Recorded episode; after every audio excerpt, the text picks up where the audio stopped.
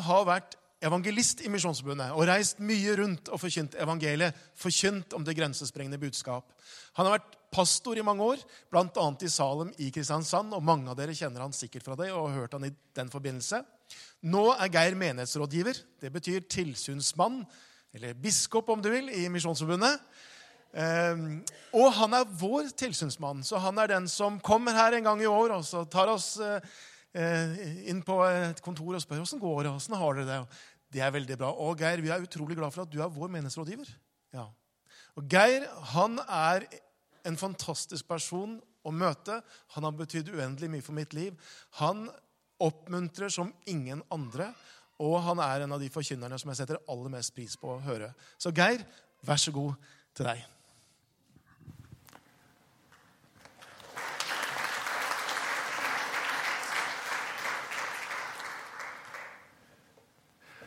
Ja, tusen takk, eh, Jarle. Det var jo fine ord.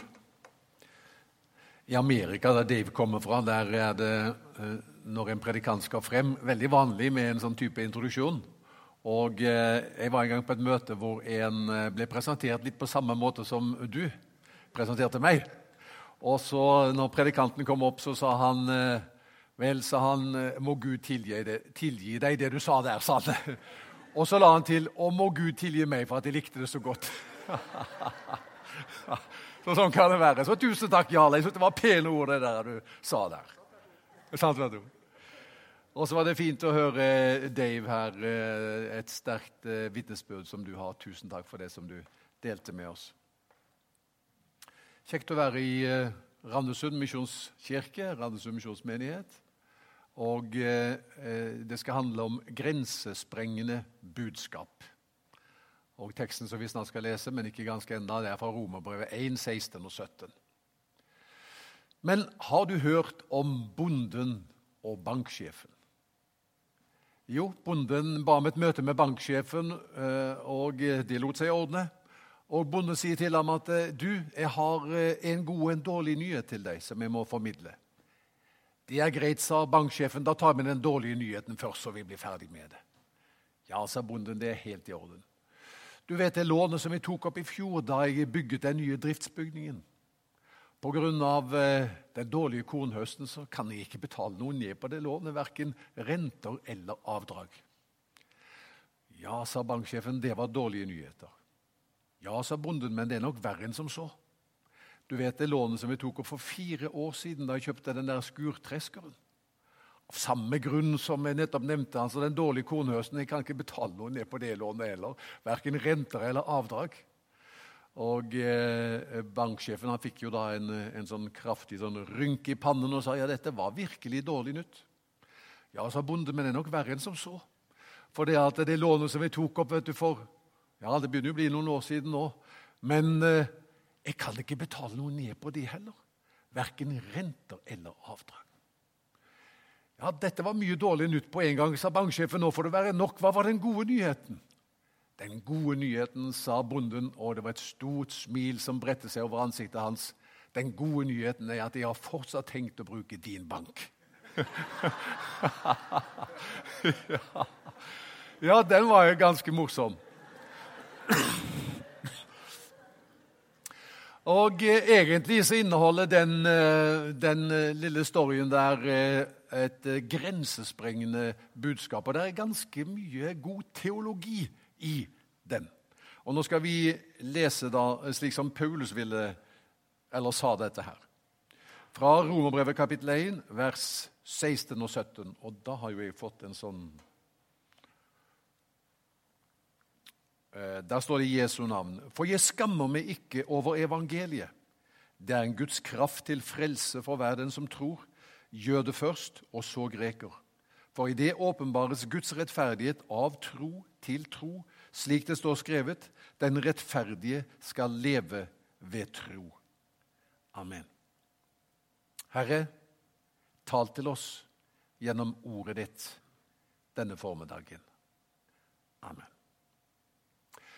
Det er tre stikkord, eller tre ord, som jeg vil løfte fram i disse versene. Det første det er eh, det som er uthevet, som du ser, evangeliet. Og det andre det er eh, Guds rettferdighet. Og det tredje jøde først, og så greker.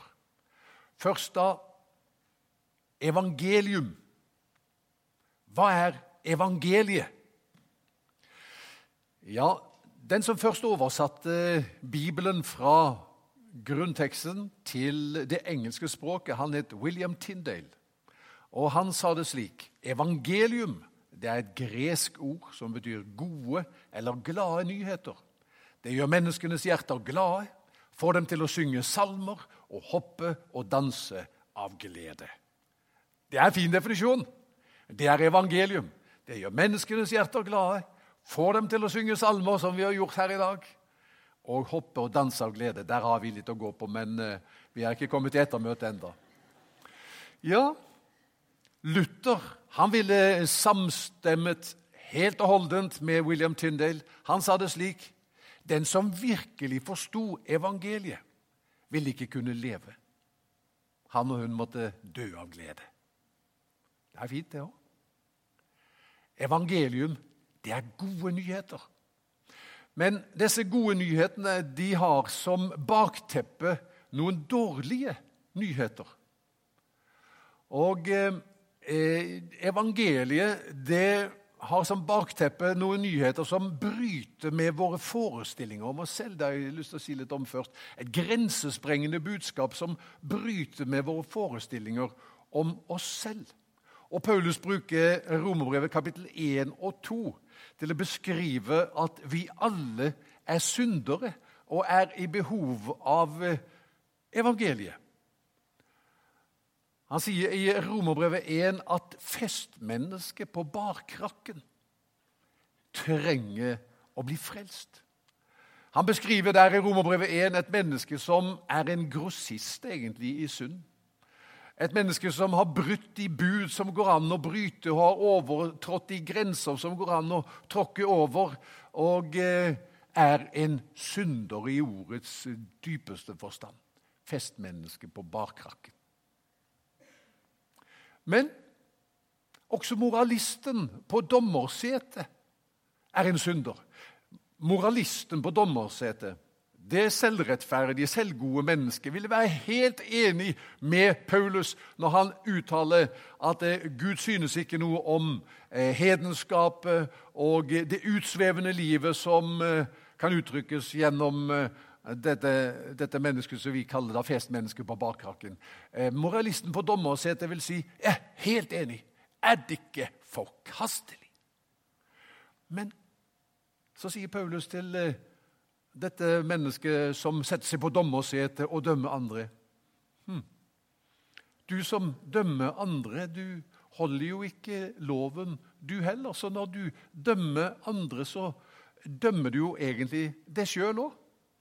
Og så må du huske på det at når, skal, når livet ditt skal eh, en gang måles, så er det jo ikke festmennesket på bakkrakken du skal måles opp mot, men det er mot Guds standard. Jeg husker for noen år siden eh, da vi hadde en hund som het Balto. En liten, koselig hund, en blandingsrase mellom eh, Ja, hva var det? Det har jeg faktisk glemt det. Men Det var iallfall mest bichon frisé, men det var noe annet. og det har jeg sannelig glemt det. Kanskje det var Jeg har ikke peiling. Men uh, i alle fall, denne hunden den var en kritthvit uh, uh, Som en sofapute, egentlig. Og så kom snøen. Og hunden var ute i snøen. Og da husker jeg sa til kona mi nå må vi vaske hunden vår. Har du sett hvor skitten den er? Og så sa kona mi det er ikke lenge siden jeg vaska den. Men altså sammenligna med den hvite snøen, så ble den hunden som jeg tidligere mente var så hvit og fin, egentlig ikke så hvit likevel. Så moralisten på dommersetet sier eh, Paulus, du er en synder, du også. Ikke nok med det. I Romerbrevet 2 så sier han at det religiøse mennesker i kirkebenken, representert ved jøden, som har fått loven og gudstjenesten og tempelet og pakten og omskjærelsen og alt dette som er så, så bra, sier Paulus til dem. Du vanærer jo Gud, du har fått loven, men vanærer Gud for å bryte loven? Du er en synder, du også. Så både festmennesket på barkrakken, moralisten på dommersetet og det religiøse mennesket i kirkebenken Paulus sier det er ingen forskjell, vi har alle syndet. Og Dette sprenger jo våre forestillinger om oss selv. George Bush han sa jo i sin tid at uh, det var noe han kalte ondskapens akse. Og så sa han at, uh, at uh, det finnes en grense mellom gode nasjoner og onde nasjoner. Og godt og ondt det følger landegrenser. Men det er unnskyld Dave, men det er vel litt for enkelt å si det på den måten. Fordi grensen mellom godt og ondt den går gjennom vårt eget hjerte. Så eh, dette bryter med våre forestillinger om oss selv. og de er altså da de, Det er på en måte de dårlige nyhetene som, eh, som eh, er bakteppet for de gode nyhetene. Jeg husker jeg eh, som ung kristen Jeg kom jo fra Haugesund, i likhet med noen andre her nede. Heia Haugesund, sier vi. Og Da jeg var ny kristen og kom til Misjonskirka, så var det en dame der, en veldig gudfryktig, flott dame. Hun var en søyle i menigheten. Hun het Ida. Noen av dere kanskje til og med husker henne. Og eh, Jeg var 18 år gammel, nettopp blitt en kristen. Jeg kom inn på bønnerommet. Og så sa jeg til Ida Det var et eller annet som hadde skjedd, og jeg sa jeg til henne husker jeg, Du, altså, jeg er så skuffet over meg selv. Eh, jeg, husker ikke noe hva jeg hadde sagt eller gjort, men det var noe som, som var leit i livet mitt, som jeg måtte fortelle til henne. Og så ser hun på meg med store, alvorlige øyne, og så liksom rett inn. Og så sier hun, 'Geir, du er mye verre enn som så. Tenkte det var oppmuntring å få. Du er mye verre enn som så. Og så sa hun at det du har fortalt meg nå, det er bare toppen av isfjellet. Altså, det du ikke ser, det du skjønner, det er, det er så kolossalt. Så jeg tenkte det var da voldsomt. Ikke mye trøst og oppmuntring å få her. Men du skjønner det, det er på denne bakgrunnen at evangeliet stråler så mye klarere. For Ida hun var veldig snart til å si ikke bare er du verre enn du tror du er, men du er også mye høyere elsket enn du noensinne har våget å forestille deg. Og da kan vi si at eh, evangeliet det bryter også eh, våre forestillinger om hvem Gud er, og hva det vil si å ha med Han å gjøre. Og Da skal vi til et uttrykk eh, som er uthevet med rødt der, Guds rettferdighet. Det bryter våre forestillinger om Gud. Vi skal lese det etterpå. Uttrykket Guds rettferdighet det var et uttrykk som Luther ikke syntes om. Det var et veldig vanskelig uttrykk for meg. Han kunne ikke forstå at Paulus i Romerbrevet 1 er så begeistret for Guds rettferdighet. Han sier 'Jeg kan ikke vente', sier Paulus i versene foran de vi nå leste innledningsvis, 'med å komme til Roma og forkynne evangeliet til dere', fordi at i evangeliet åpenbares Guds rettferdighet. Og Det var to ting som Luther reagerte på. Det første Guds rettferdighet, er det gode nyheter? Er det noe nytt? Vi kjenner jo Guds rettferdighet fra Det gamle testamentet. Guds rettferdighet det er jo eh, dette som Gud krever av oss, den rettferdighet han krever av oss. Og det har vi jo i, i loven og Det gamle testamentet. Hva er nytt med det? Og eh, Gode nyheter er det jo ikke, fordi at Guds rettferdighet det er jo det vi ikke greier å leve opp til. og dermed så leser han også da Guds rettferdighet som Guds straffende rettferdighet når vi ikke kan leve opp til, til dette som er Guds standard. Så Luther eh, leste altså Guds rettferdighet som den rettferdige Gud krever av oss. Det var ikke noe nytt. da vi leste om i Det gamle testamentet. Og det var eh, den, eh, at Gud er rettferdig når han straffer oss som ikke lever opp til den standarden. Og det var jo ikke gode nyheter. Så han skjønte ikke noen ting. Hvorfor er du så begeistret, Paulus? For Guds rettferdighet. Inntil det gikk opp for ham. Og han kunne sin grammatikk. Nå skulle jeg ønske at jeg kunne si til Bjørn Øyvind Fjell, som var min uh, gresklærer, at de husker den der uh, greia der, men det har jeg glemt, Bjørn Øyvind. Men, uh, men det, han kunne sin grammatikk, Luther i alle fall. eh, som, eh, som sier at som, Han reflekterte over uttrykket Guds rettferdighet, og så sammenlignet han det med andre uttrykk. Og så tenkte han at når det står i Bibelen 'Guds fred', så er jo ikke det den fred Gud krever av oss. Det er jo en fred han gir. Vær ikke bekymret for noe, men la altså ligge der på hjertet komme fram for Gud i påkallelse og bønn med takksigelse og Guds fred som overgår all forstand. Det er ikke en fred han krever av oss, men en fred han gir. Når det står om Guds eh, kraft dere skal få kraft idet det Den hellige ånd kommer over dere, og dere skal være mine vitner. Så er det jo ikke en kraft han krever av oss, men det er en kraft han gir. Og Det står om Guds kjærlighet, som er utøst i våre hjerter ved Den hellige ånd, som Han har gitt oss. Romerbrevet 5. Så er jo ikke det en kjærlighet Han krever av oss, men det er jo en kjærlighet Han gir. Hva da med Guds rettferdighet? Kan det plasseres i samme kategori?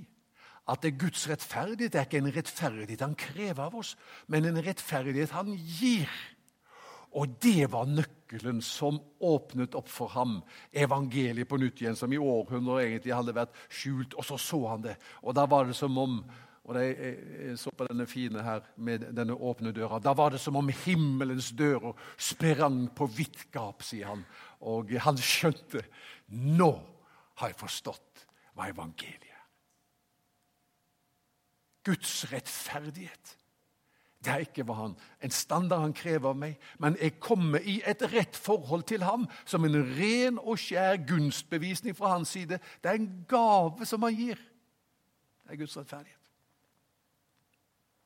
Og Der står det Romer 3, 21-24. Men nå er Guds rettferdighet, som loven og profetene vitner om, blitt åpenbart uavhengig av loven.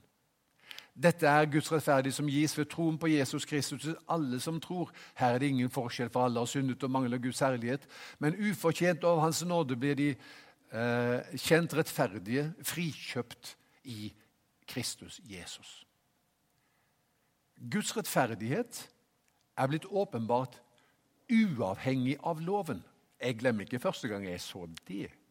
Da hadde jeg en sånn der himmelens dører åpne seg-opplevelse.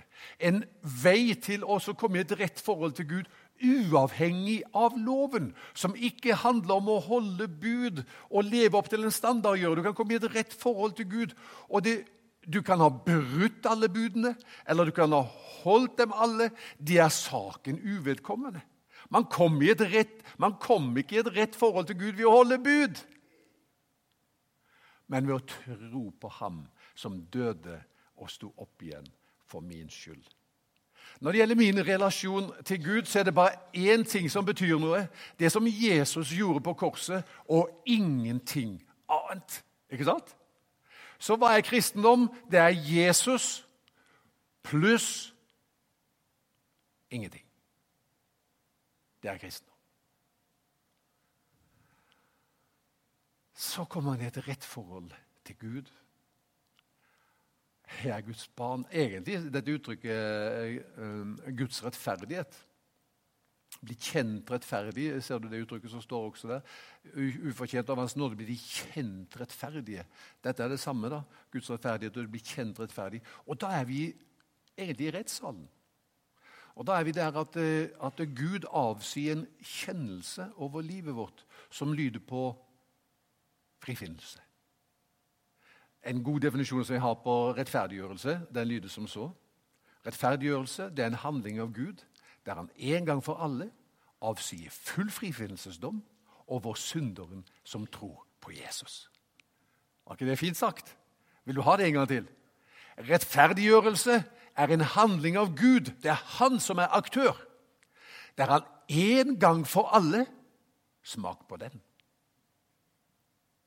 avsier full frifinnelsesdom eller erklærer ikke skyldig. Hvem? Synderen. Er det mulig? Synderen som tror på Jesus. Ikke det mennesket som har tatt seg sammen, som har forbedret eh, seg moralsk og åndelig, men det mennesket som er en synder, og som tror på Jesus. Frifunnet. Det forteller jo en historie om Luther. da. Det blir mye Luther her i formiddag, men vi er på en måte lutheranere når det, når kommer til rettferdiggjørelse ved tro. Alle sammen er vi ikke det? Vi er det, Jarle. Ja. Og Det fortelles en historie om Luther, at han eh, gjerne ville komme inn til himmelen. da. Og så møtte han Moses. Og så sier Moses at eh, ja, før jeg slipper deg inn, Luther, så må jeg spørre deg har du holdt budene. Så sier, Moses, så sier Luther at 'jeg kan ikke skryte det på meg'. Så sier Moses ja, men vet du ikke at det står i Skriften, og det gjør det, at eh, de som holder budene, skal leve ved dem? Ja, det har du rett i, sa, sa eh, Luther. Men du vet, det står mer. Det står også det i Rombrevet 4. Annerledes er det med den som ikke har gjerninger men som tror på ham som erklærer den ugudelige rettferdig. De er et av de mest radikale ord i hele Det nye testamentet. Tror på ham som erklærer den ugudelige rettferdig. Han får rettferdigheten tilregnet fordi han tror. Da ble Moses veldig alvorlig. Og så kaller han eh, Luther bort i et eh, hjørne av, eh, av der de sto. da borti en krok for seg selv, så sier han, 'Luther, lov meg at det, eh, dette blir mellom oss.' Men det var på det grunnlaget jeg kom inn, jeg også, sa han. Det var på det grunnlaget jeg kom inn. Tro på Ham som erklærer den ugudelige rettferdig. Han som ikke visste av synd, ble gjort til synd for oss, for at vi i ham skulle få Guds rettferdighet. Det er transaksjonen så står vi for Gud frifunnet, renvasket for alle anklager, frikjent, uavhengig av loven, men ved tro på Ham som døde og sto opp. Så loven sier 'gå til verket', og evangeliet sier 'de er fullbrakt'. Og så kommer du i et rett forhold til Gud. Og så er det et annet aspekt som er ganske fint med dette. og det er det at Når du da tror på ham eh, og er blitt, erkjent, og er blitt erklært rettferdig, så tar Ånden bolig i deg. Og så er du i gang med å leve et liv som loven pekte mot og ikke kunne hjelpe deg til. Fordi loven var maktesløs pga. vår onde natur, pga. kjødet. Så loven kunne ikke hjelpe oss til dette. Men nå når vi er kjent rettferdige og Ånden tar bolig i oss, så beveger vi oss inn i det livet som Gud har kalt oss til å leve. Og Da skal jeg deklamere et dikt for dere.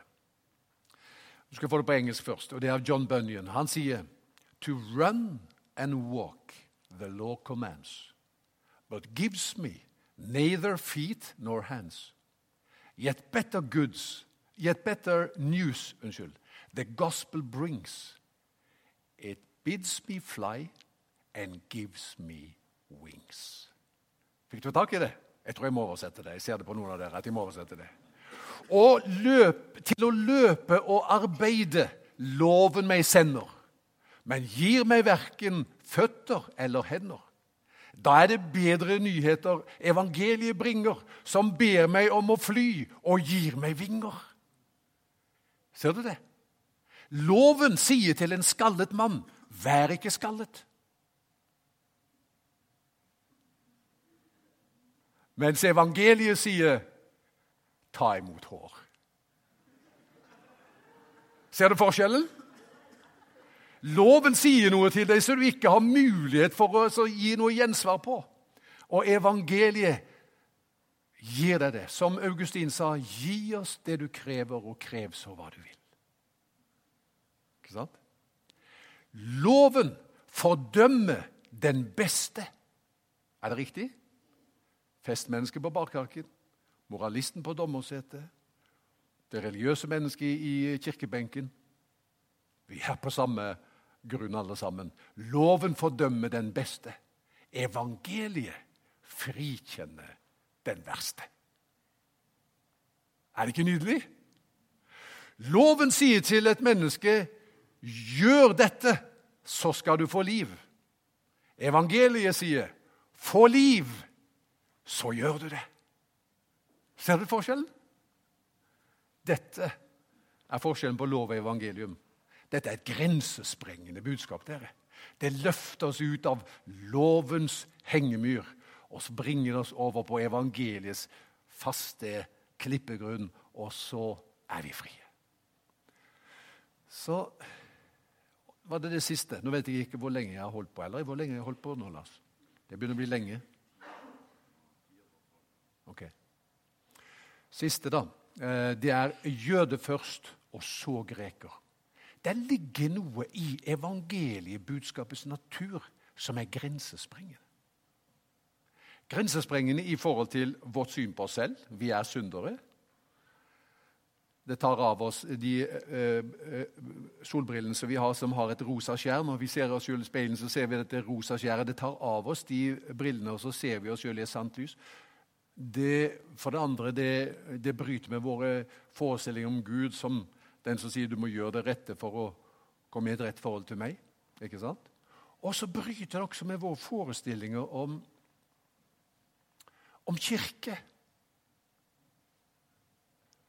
Paulus sier altså i eh, versene foran grekere og barbarer, lærde og ulærde, alle står jeg i gjeld til. Derfor ønsker jeg å forkynne evangeliet også for dere i Roma.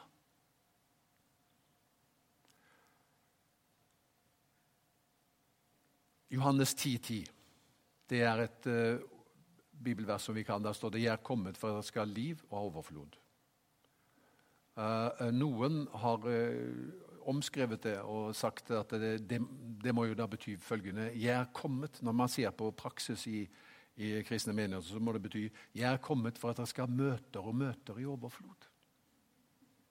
Eller Apostelens gjerninger 1,8.: Dere skal få kraft i Den hellige ånd komme over dere, og dere skal være mine vitner.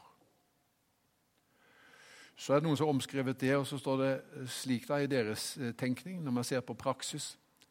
Dere skal få kraft idet Den hellige ånd kommer over dere, og dere skal være mine møtegjengere. Men det som Gud kaller oss til skal jeg ta det neste bildet. Dette er litt, kanskje mye tekst. Men det er to måter å tenke menighet på. og Vi skal ikke sette dem opp mot hverandre sånn at det ene helt nødvendigvis um, utelukke det andre, for her er det en dobbelthet. Men det er to tenkninger. Det ene er vi vil være en menighet som trekker folk til seg. Og det andre er en misjonalmenighet. En menighet som trekker folk til seg. Hvordan er det?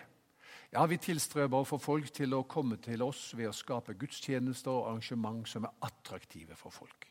I den engelsktalende verden kalles det 'attractional church'. Kom til kirken. Dette er jo vi kjent med, er vi ikke det? Vi vet jo om det. Kom til kirken. Kom til oss. Her har vi gudstjeneste. Her har vi møter. Kom! Misjonalmenighet, vi investerer i mennesker og samfunn. Lever ut troen på Jesus sammen med folk i deres vanlige hverdagsliv. Vær kirken. Kirken er jo ikke der man tilber. Kirken er de som tilber, ikke sant? Og Det som Gud kaller oss til, det er å gå i Paulus sine fotspor, som sier jøde først, så greker. Det er et grensesprengende budskap som vi har fått del i når vi har fått del i evangeliet, som sier dette kan vi ikke holde for oss selv. Og det, det, det er en strategi som kanskje ikke er god nok i en sekulær norsk virkelighet å si vi skal lage gudstjeneste, kom til oss. Men vi må bevege oss i en retning der vi er kirke der ute i, blant vanlige menn og kvinner. Jeg syns det var så veldig fint, eh, Dave, at det, det var du som hadde vitnesbyrdet i eh, formiddag. For han opplevde det som Abraham opplevde. Og han opplevde det som fiskerne opplevde. Og jeg undrer meg på om det er noen som skal oppleve det samme her i kveld. Formiddag, unnskyld, jeg vet hvor vi er i døgnet. Som uh, vil at han står ved din stol og ved din kirkebenk i formiddag. Og så sier han, 'Jeg kaller deg til oppbrudd'. Til ikke bare å gå til kirke, men at du får på radaren jøde først, men så greker. Og er med i denne bevegelsen fra sentrum og ut i samfunn. Fra kirke og ut i samfunn og leve det kristne livet der. Frimodig. Jeg sier som så når jeg underviser om dette rundt omkring, og jeg kan øh, gjøre det konkret her Dere skal ikke bringe Gud til Randesund. Visste du det? Dere skal ikke bringe Gud til Kristiansand. Hvorfor ikke? Nei, jeg ser det på noen av deres ansikt. Det er helt unødvendig. Han er der allerede. Hva er vår jobb, da? Vår jobb er å finne ut hva er det Gud holder på med. Hva gjør du i Randesund, Gud? Jeg mener ikke i, i, kirka. Vi vet du er aktiv innenfor eh, kirka. Men der ute, der hvor de bor som på, sitter på barkrakken på lørdagen, eller hvordan det er. Der ute i samfunnet. Hva gjør du der ute? Og så, når det begynner å avdekke deg, hva Gud gjør, avdekke seg for deg, hva Gud gjør der ute, så er kallet ditt å koble seg på det som han gjør. Involvere deg i det som du ser Gud holder på med der ute.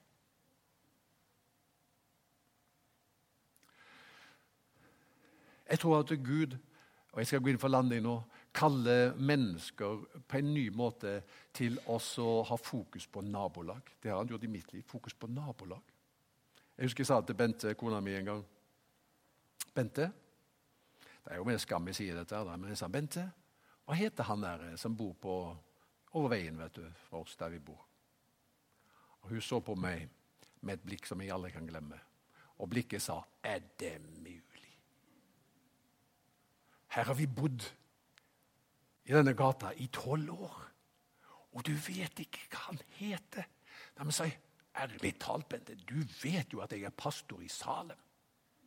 Og det er travelt å være pastor i Salem. Morgen og middag og kveld så handler det om Salem. Ikke sant? Du vet jo det er så naboer og hva som rører seg i nabolag. Ja, men Så skjønte jo hva han het, og så, så begynte Gud å tale til meg om dette. Geir, du må være til stede i nabolaget ditt. Ikke bare være opptatt av å gå til kirke, men være en del av kirken der du bor.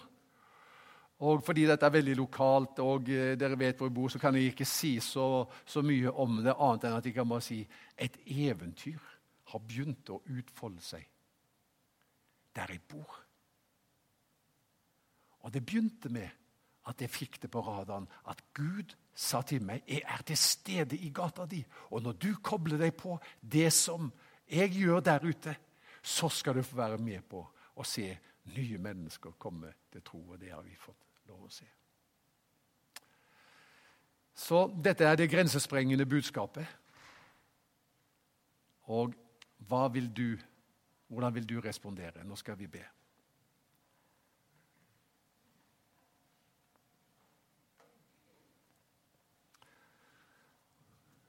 Og Før jeg ber, så har jeg bare lyst til å si at vi skal ganske snart gå over i en responsavdeling.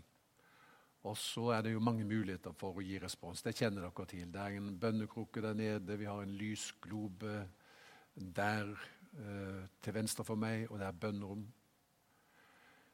Så det er liksom det tekniske. Men du Har du hørt fra ham som kalte Abraham? Har du hørt fra ham som kalte fiskerne til oppbrudd? Så sier han til deg, 'Vil du følge meg på en vei du ikke har gått før?'